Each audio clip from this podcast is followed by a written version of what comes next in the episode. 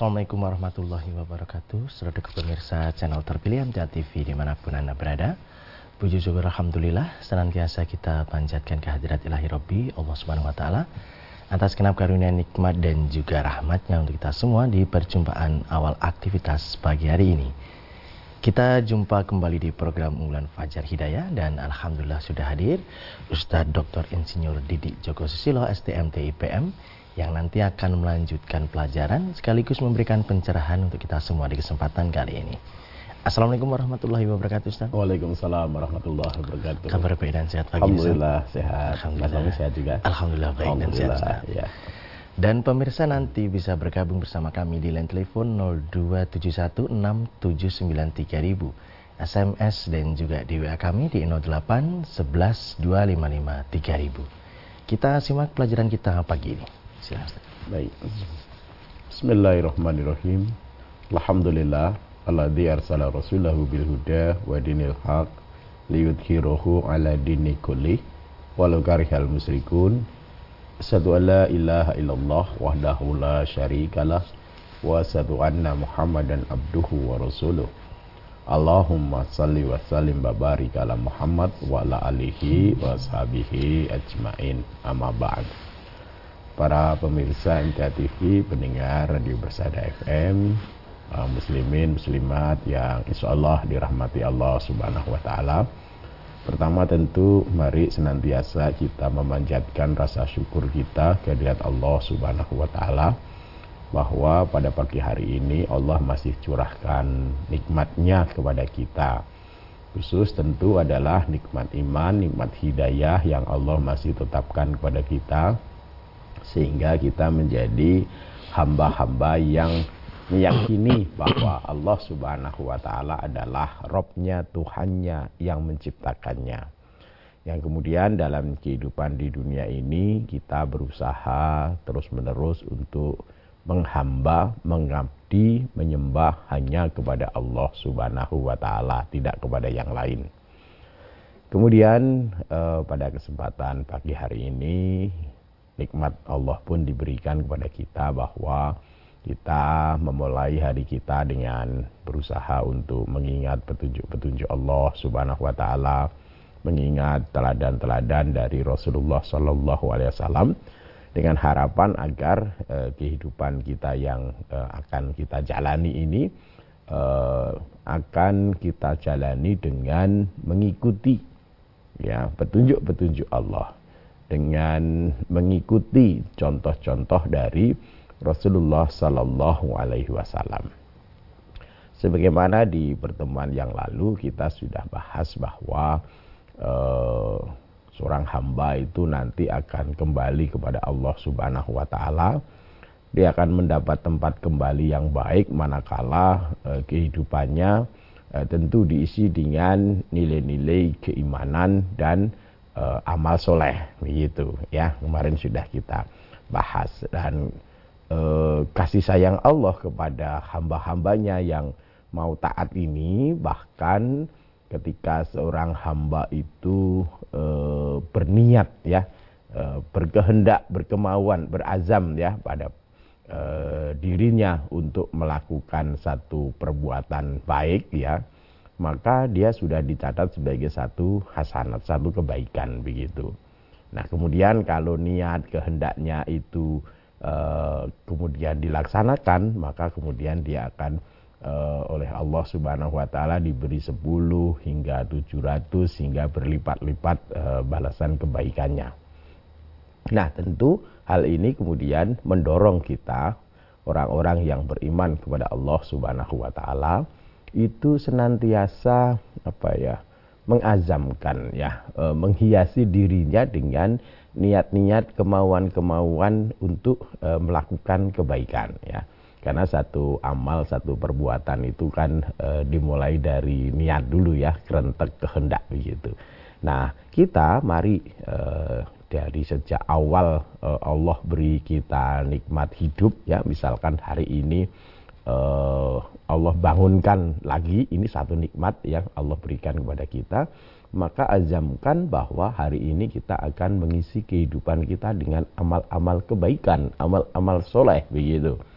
Akan cegah dirinya dari eh, kemauan-kemauan ataupun niat-niat untuk uh, melakukan satu hal-hal yang uh, buruk, hal-hal bermaksiatnya, ide-ide, gagasan-gagasan yang ada di kepala kita itu uh, hari ini mari dibawa untuk gagasan-gagasan niat-niat ya keinginan-keinginan cita-cita. Hari ini saya mau berbuat baik begitu.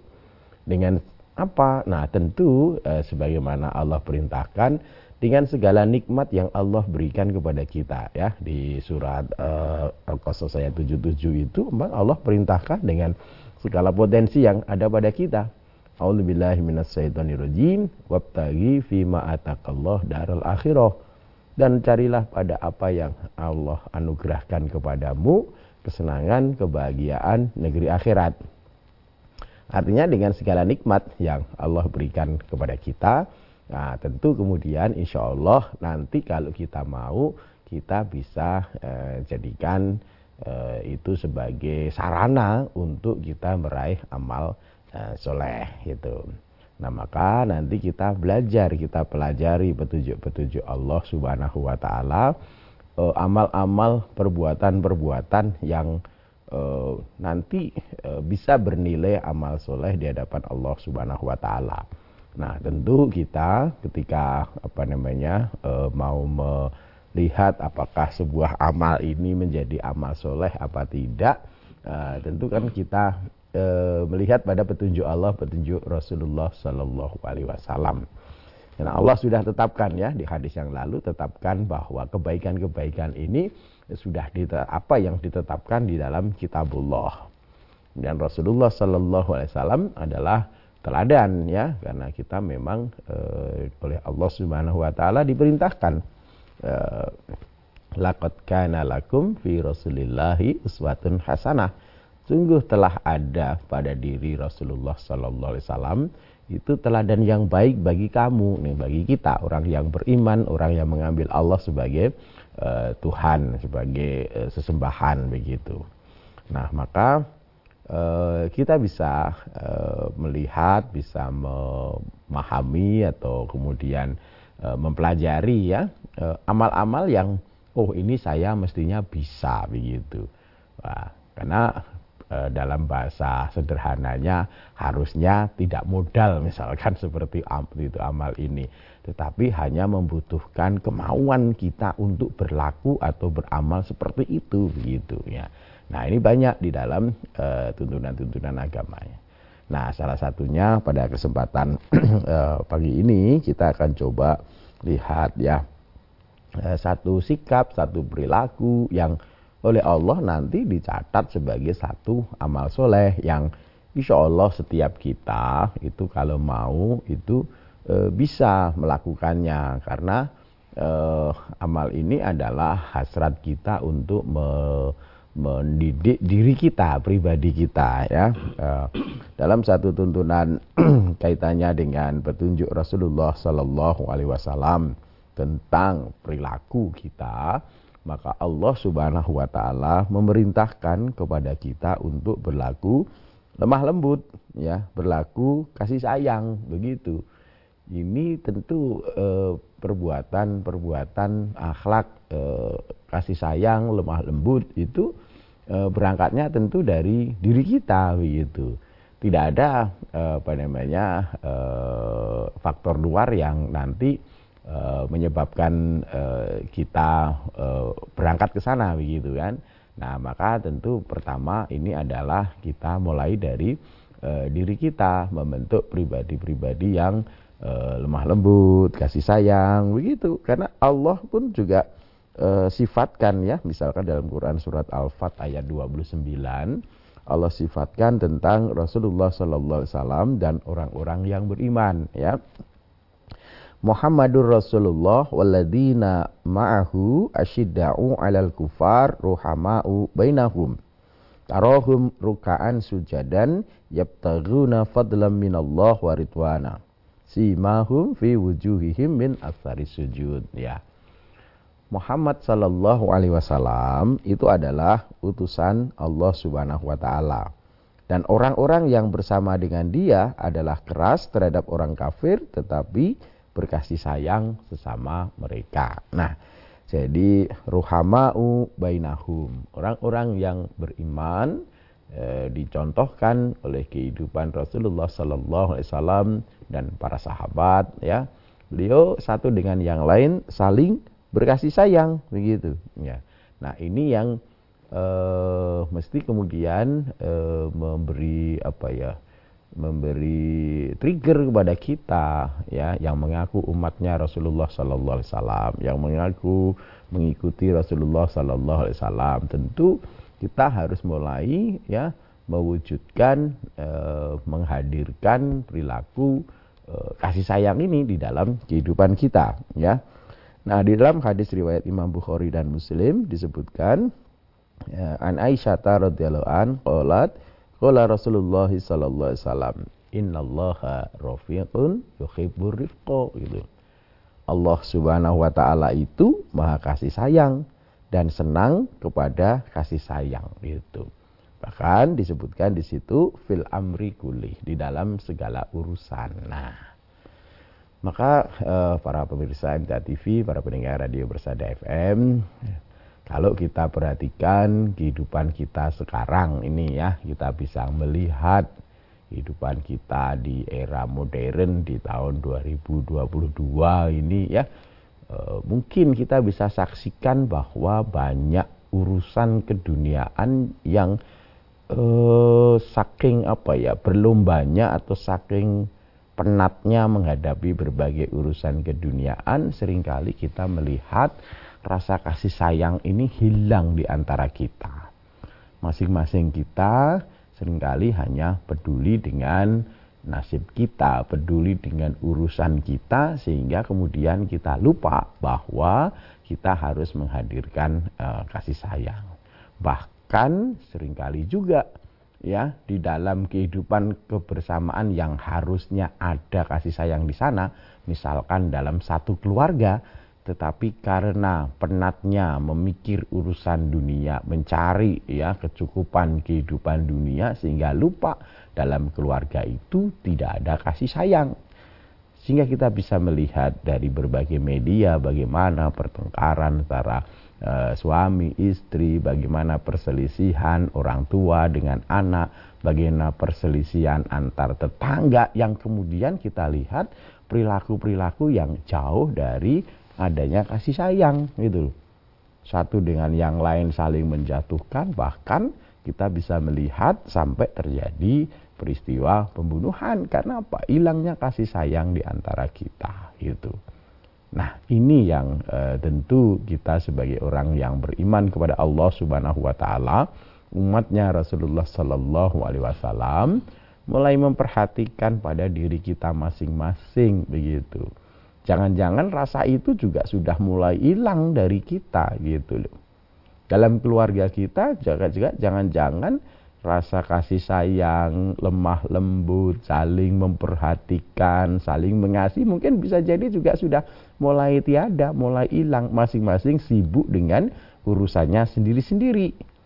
Yang kadang-kadang dengan sekarang ini mungkin dengan uh, teknologi informasi yang uh, luar biasa sudah menguasai kehidupan kita sehingga uh, kita sudah merasa cukup, merasa nyaman dengan gadget kita gitu. Kita lupa dengan orang-orang di sekeliling kita itu. Kadang-kadang kita bisa melihat dalam kebersamaan di rumah kita kayaknya ngumpul ada suami, ada istri, ada anak begitu. Tetapi masing-masing sibuk dengan gadgetnya masing-masing. Nah, kalau itu yang terjadi dalam rumah kita maka tentu rasa kasih sayang eh, ini mungkin hilang dari eh, kehidupan kita, hilang dari rumah kita begitu. Maka coba ini mari kita uh, perbaiki. Harusnya ketika kita berinteraksi, berkumpul bersama, misalkan dalam satu sekup yang kecil di dalam uh, rumah kita antara suami dan istri ini harusnya muncul ya interaksi itu yang kemudian kasih sayang. Bagaimana seorang suami mengasihi istrinya bagaimana istri mengasihi suaminya bagaimana kedua orang tua mengasihi anak-anaknya. Nah seperti itu. Nah itu kehidupan itu yang nanti membuat nyaman kehidupan kita yang membuat kita kemudian bisa mewujudkan amal-amal soleh yang lain begitu. Tetapi kalau misalkan ini yang uh, kasih sayang tidak ada, masing-masing uh, ego mengurusi uh, urusannya masing-masing, maka tentu tidak akan muncul, tidak akan tumbuh. Maka nanti kebaikan-kebaikan uh, tidak akan Allah hadirkan dalam uh, kehidupan kita, begitu. maka dalam uh, satu satu apa namanya satu hadis riwayat uh, Tirmidzi juga disebutkan an Abi Dardai radhiyallahu an an Nabi sallallahu alaihi wasallam man utiya haddahu minar rifqi faqad utiya haddahu minal khair. Nah, jadi disebutkan dalam hadis tersebut ya dari Abu Darda, beliau sallallahu alaihi bersabda, barang siapa yang diberi bagian dari kasih sayang gitu kan, artinya dalam dirinya muncul kasih sayang kalau kemudian kita luaskan dalam satu keluarga, dalam keluarga itu muncul rasa kasih sayang di antara semua anggota keluarga itu, di antara suami dengan istrinya, istri dengan suaminya, di antara orang tua dengan anaknya, anak dengan orang tuanya ya. Semuanya yang ada rasa saling menyayangi gitu kan antara satu dengan yang lain, maka dikatakan di hadis itu maka sungguh ia telah diberi bagiannya berupa kebaikan. Nah, jadi kalau muncul kasih sayang dalam rumah tangga, dalam keluarga itu, maka rumah tangga itu diberi bagian kebaikan oleh Allah Subhanahu wa taala. Kalau dalam satu komunitas, satu kumpulan kebersamaan kemudian hadir muncul kasih sayang, maka komunitas kebersamaan itu akan Allah beri bagian dari kebaikan-kebaikan yang lain begitu. Gitu.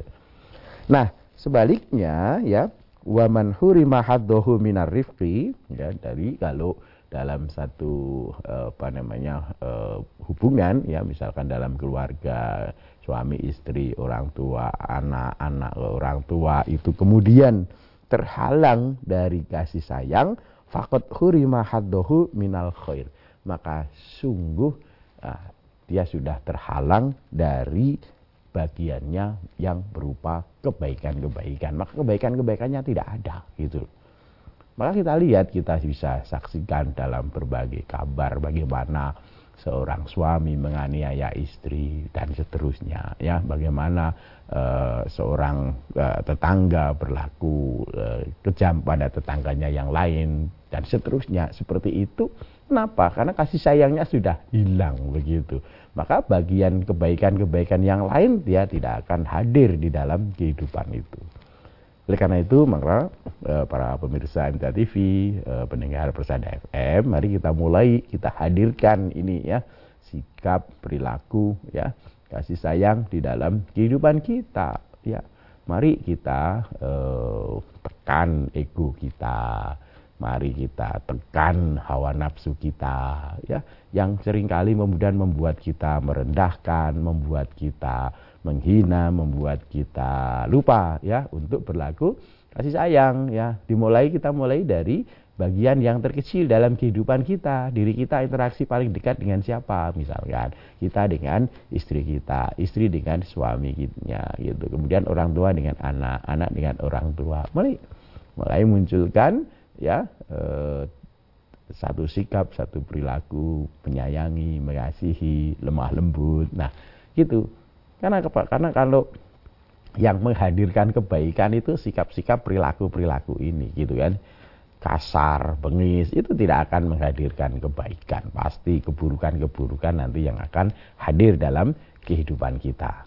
Maka untuk mewujudkan amal-amal soleh yang oleh Allah kita diberi hasanat, diberi kebaikan-kebaikan yang berlipat-lipat, maka mulai dari ini rasa ini munculkan. Kasih sayang dulu ya. Kasih sayang dulu antara uh, kita dengan orang-orang terdekat kita terdekat kemudian melebar melebar begitu insya Allah nanti akan Allah beri banyak kebaikan dalam kehidupan kita. Saya kira demikian mudah-mudahan bisa bermanfaat untuk kita bersama. Ya. Baik pemirsa, kami harapkan Anda bisa bergabung bersama kami di line telepon 0271 6793000, SMS dan juga di WA kami di 08 11 255 3000. Namun sebelumnya kita akan simak beberapa informasi dalam rangkaian cerita pariwara berikut ini. Channel terpilih MTA TV di mana pun Anda berada, terima kasih Anda masih setia bersama kami, khususnya di program unggulan Fajar Hidayah pagi ini. Kesempatan pertama kami persilakan di line telepon 6793000 untuk bisa bergabung. Halo, Assalamualaikum. Waalaikumsalam warahmatullahi wabarakatuh. Ya, dengan siapa di mana Bapak? Sarono dari Wonogiri, Pak. Ya, silakan Pak Sarono. Assalamualaikum warahmatullahi wabarakatuh, Pak Ustaz. Waalaikumsalam warahmatullahi wabarakatuh. Saya sudah mendengar ada hadis yang dalam yang TVTMA itu ada hadis yang mengatakan bahwa neraka itu diliputi yang menyenangkan. Surga diliputi yang tidak menyenangkan. Nah, saya berpikir kok neraka kok diliputi yang menyenangkan, padahal neraka itu hal yang hmm. tidak menyenangkan. Yeah. Lalu surga itu surga yang menyenangkan kok diliputi tidak menyenangkan. Yeah. Apa yang dimaksud kan bukan nerakanya dan surganya, mungkin itu yang dimaksud apa jalan ke surga dan hmm. jalan ke neraka yang dikatakan itu. Yeah. Penanggapan saya begitu. Yeah. Bagaimana menurut sebenarnya mohon ya. penjelasannya Pak. Ya.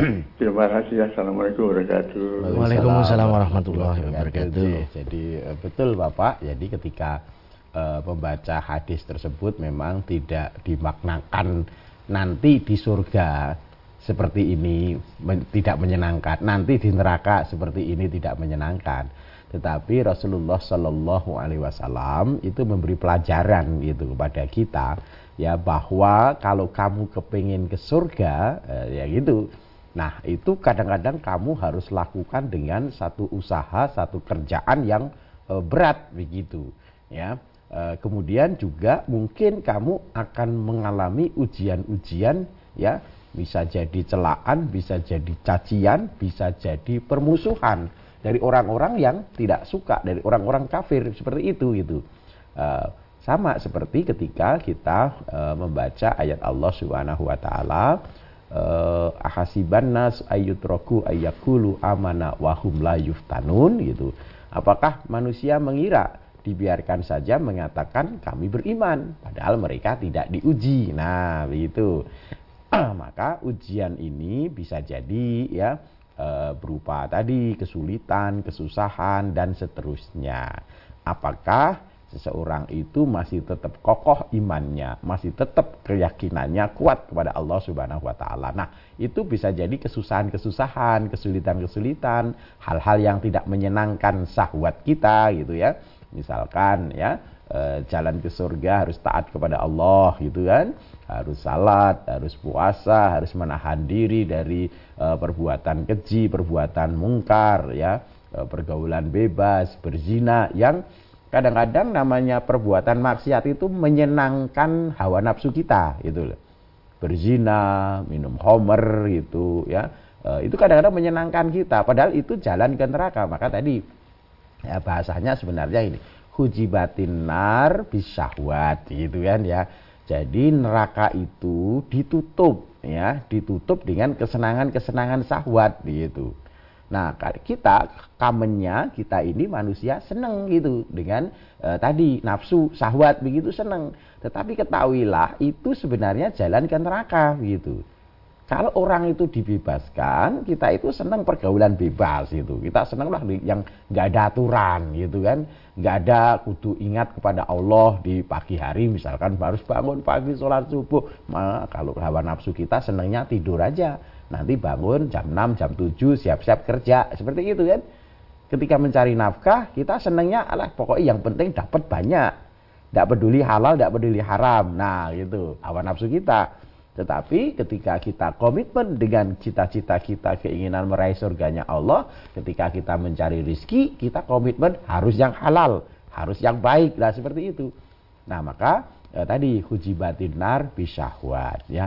Neraka itu ditutupi ya. Bapak bisa terjemahkan tadi jalan-jalan ke neraka gitu ya. Kadang-kadang jalan-jalan ke neraka itu menyenangkan pak. Nggak peduli halal haram ya nggak ada aturan ya mau apa namanya e, pergaulan bebas boleh mau minum apa saja nggak peduli nggak ada yang dilarang ya mau homer ya mau e, mungkin champagne ya e, wine dan seterusnya wah ini kan minuman orang modern gitu kan Nah, itu termasuk homer. Nah, orang yang beriman jaga diri, tidak, saya tidak minum homer, gitu kan. Pergaulan bebas, wah ini kan zamannya orang bergaul bebas. Saya orang yang beriman pengen surganya Allah, tidak. Nah, seperti itu. Nah, maka ada seolah-olah orang-orang orang apa namanya? Orang yang beriman, orang yang pengen surganya Allah seolah-olah dalam hidup ini terpenjara gitu. Seolah-olah terpenjara oleh berbagai aturan, berbagai perintah Allah, berbagai larangan Allah. Nah, perintah dan larangan Allah itu bagian dari ujian dari orang yang beriman. Apakah dia tetap komitmen mengambil Allah sebagai robnya, sebagai Tuhannya. Ya, seperti itu. Nah, kemudian tadi jalan yang ke surga, betul Bapak terjemahkan seperti itu ya. Eh, amal-amal e, yang e, menyebabkan dia memperoleh surganya Allah kadang-kadang berat. Kadang-kadang e, harus menahan sakit gitu kan. Ya kan? Sabar itu kadang-kadang harus menahan sakit begitu. Sabar itu kadang-kadang harus menahan celaan, menahan makian. Bahkan kalau e, dalam dakwah Rasulullah SAW dalam tarikh kita juga bisa melihat menahan dilempari batu. Nah seperti itu. Nah maka seolah-olah jalannya kan berat ya hujibatil jannah bil makarif dengan e, penderitaan, dengan kesulitan begitu. Tetapi Tahuilah bahwa dari jalan itu yang mengantarkan kamu kepada keimanan yang kokoh, mengantarkan kamu kepada amal yang e, soleh. Nah, itu yang membawa kepada janahnya Allah Subhanahu wa taala. Kalau kemudian kita baca di ayat-ayat Allah, firman Allah nanti, nah gitu. Nanti kalau di surga itu sudah jelas tidak ada penderitaan, tidak ada kesulitan, tidak ada kesusahan, yang ada senang terus begitu. Tidak ada halal, tidak ada haram di surga seperti itu. Yang tempat penderitaan bagi orang yang uh, kufur kepada Allah Subhanahu wa taala ya di nerakanya Allah nanti di yaumil kiamat setelah hari berbangkit. Demikian Bapak dan itu pelajaran ketika kita di dunia ini pengen meraih surga, pengen eh, meraih eh, kenikmatan surga ya memang harus dengan perjuangan. Nah, harus kesungguhan, harus tahan menderita seperti itu. Demikian ya. Bapak. Baik. Kita bacakan yang ada di SMS dan via Ustadz yang berikutnya dari saudara kita yang ada di Merauke hmm. Menanyakan Ustadz ada seorang janda sakit hmm. tidak punya anak dan tidak punya harta miliknya hanya tempat tinggal apa demikian termasuk tergolong delapan hmm. asnaf yang bisa menerima zakat Ustadz hmm. yang kedua sepertiga malam Allah turun dari langit ini dalilnya surat dan ayat berapa atau dari hmm. hadis Ustaz? Yeah, yeah. Jadi yang pertama janda ya, e, kamennya e, janda itu ditinggal mati suaminya. Nah, kamennya lagi bahwa yang mencari nafkah itu kan suaminya begitu. Sehingga ketika seorang wanita ditinggal suaminya mencari nafkah, maka dia tidak ada yang e, memberi nafkah. Kalau tidak ada yang memberi nafkah, seperti tadi ditanyakan di statementnya tadi kan kemudian dia tidak punya harta nah, orang yang tidak punya harta dalam bahasa lain adalah orang miskin kan seperti itu. Nah kalau orang miskin maka dia termasuk delapan asnaf yang berhak menerima zakat fakir miskin. Bisa jadi tidak hanya pada sampel eh, apa namanya eh, level miskin. Dia bisa jadi terjatuh ke dalam tadi fakir yang lebih parah kehidupannya dari miskin. Karena tadi dia sudah tidak bisa berusaha, eh, tidak ada yang menanggung kehidupannya, kemudian dia juga tidak bekerja, kemudian juga tambah lagi sakit, nah seperti itu. Maka dia termasuk eh, delapan asna, bukan karena jandanya ya, karena kalau eh, janda kemudian dia punya usaha, punya bisnis, punya kekayaan yang banyak ya tentu eh, dia tidak termasuk yang berhak menerima zakat. Jadi yang berhak menerima zakat kembali ke surat At-Taubah ayat 60 itu. Di antaranya fakir, miskin, kan begitu. Nah, kalau tadi yang diceritakan jandanya tadi sudah tidak bisa bermaisah, tidak bisa berusaha, plus jatuh sakit lagi, nah, tentu kan kemudian dia terjatuh ke dalam tadi fakir atau miskin. Nah, seperti itu. Kalau dia fakir atau miskin, maka dia boleh di, e, menerima zakat itu. Ya. Kembali ke yang kedua ya. Oh, yang ya. kedua ya. Nah, yang kedua kaitannya sepertiga dengan ya? ah, sepertiga malam yang akhir. Nah ini memang disebutkan di dalam banyak hadis ya. Uh, ada hadis riwayat Bukhari, Muslim, uh, ada Rimi ada, kemudian uh, At-Tirmidzi juga ada. Nah salah satunya yang dari At-Tirmidzi ini ya, saya sebutkan yang dari Imam Tirmidzi.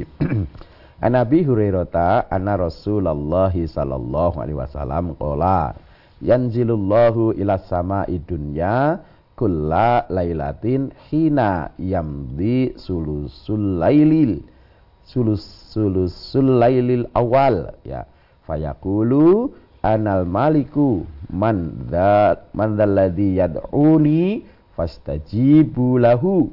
Man dzalladzi yas'aluni fa'utiyahu. Man dalladhi yastaghfiruni fa'aghfir lahu.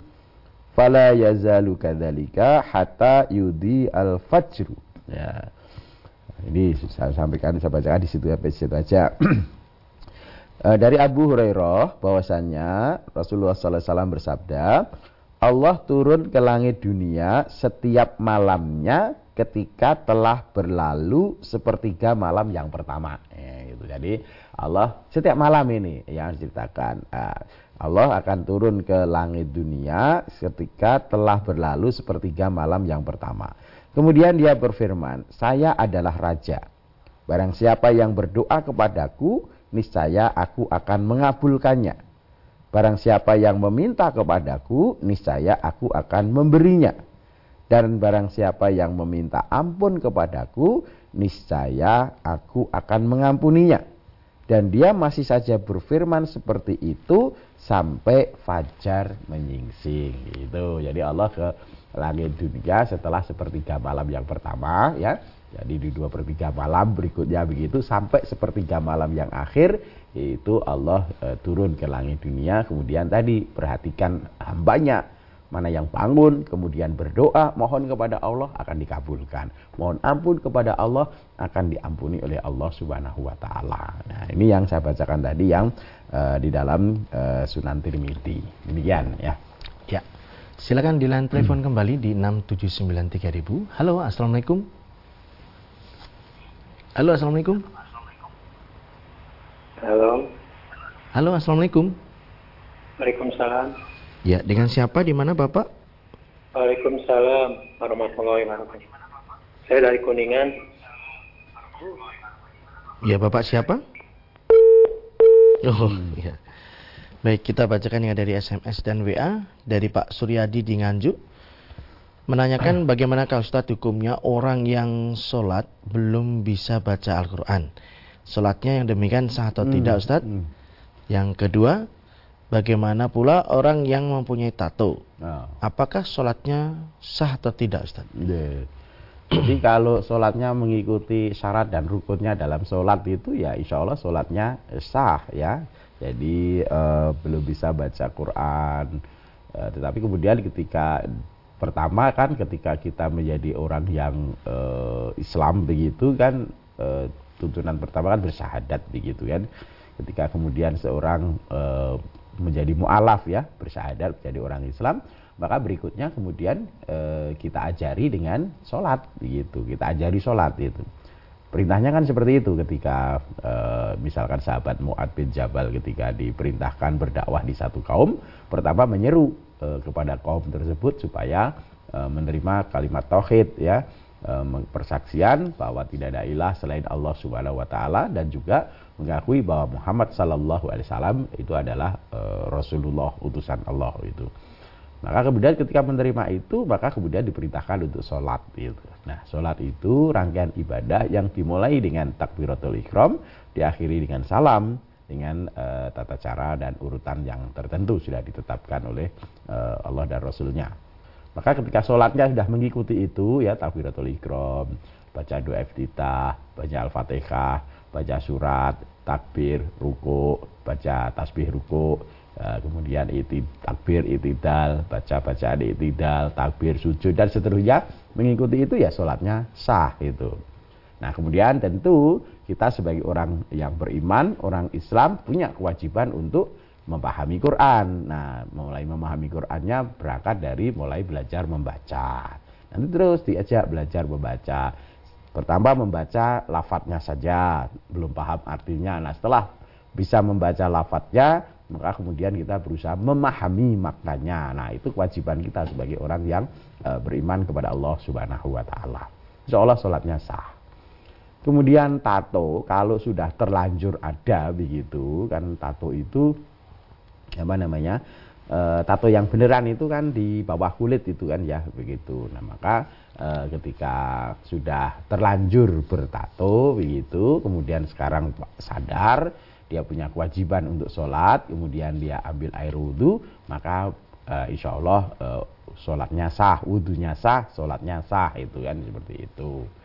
Nah, memang kemudian ada apa namanya uh, alat untuk menghilangkan tato ya kalau memungkinkan uh, tapi jangan yang model menyiksa diri dari zaman dulu ada model menghilangkan tato itu dengan di disetrika gitu.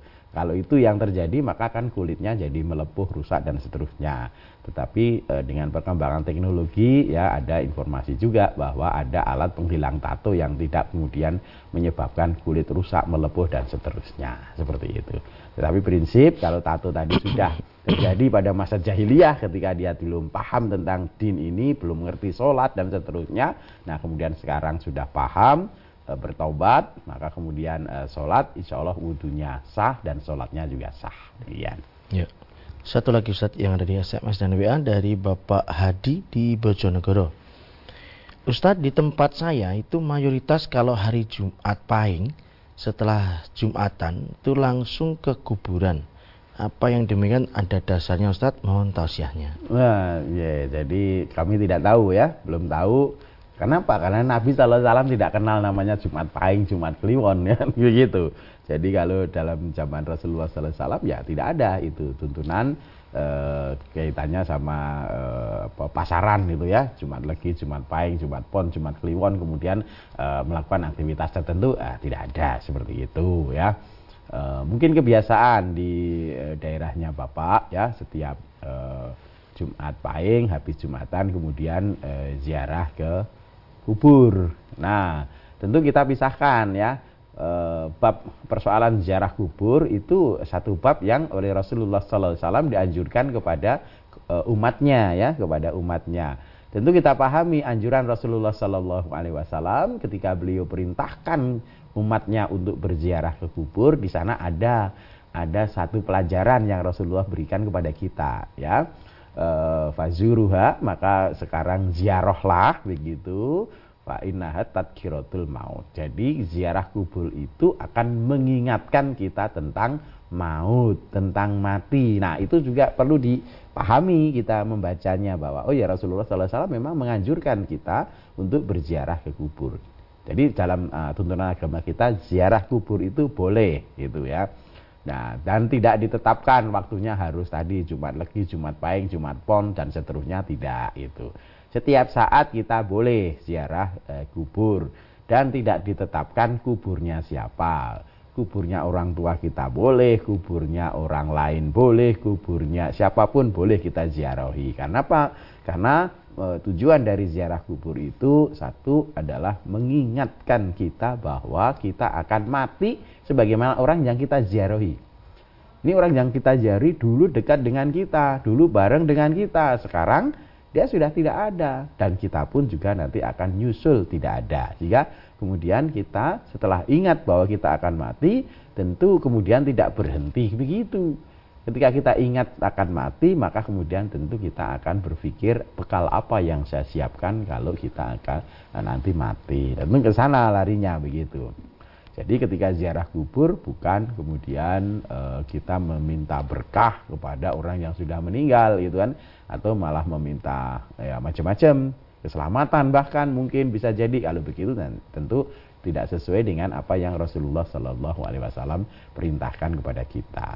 Beliau Sallallahu Alaihi perintahkan kepada kita ziarah kubur untuk mengingat mati, mendoakan orang yang e, apa namanya e, meninggal itu juga dituntunkan. Jadi ketika kita ziarah kubur, kita kenal yang dikubur itu adalah orang muslim, orang mukmin, maka doakan agar diampuni dosanya oleh Allah Subhanahu wa taala.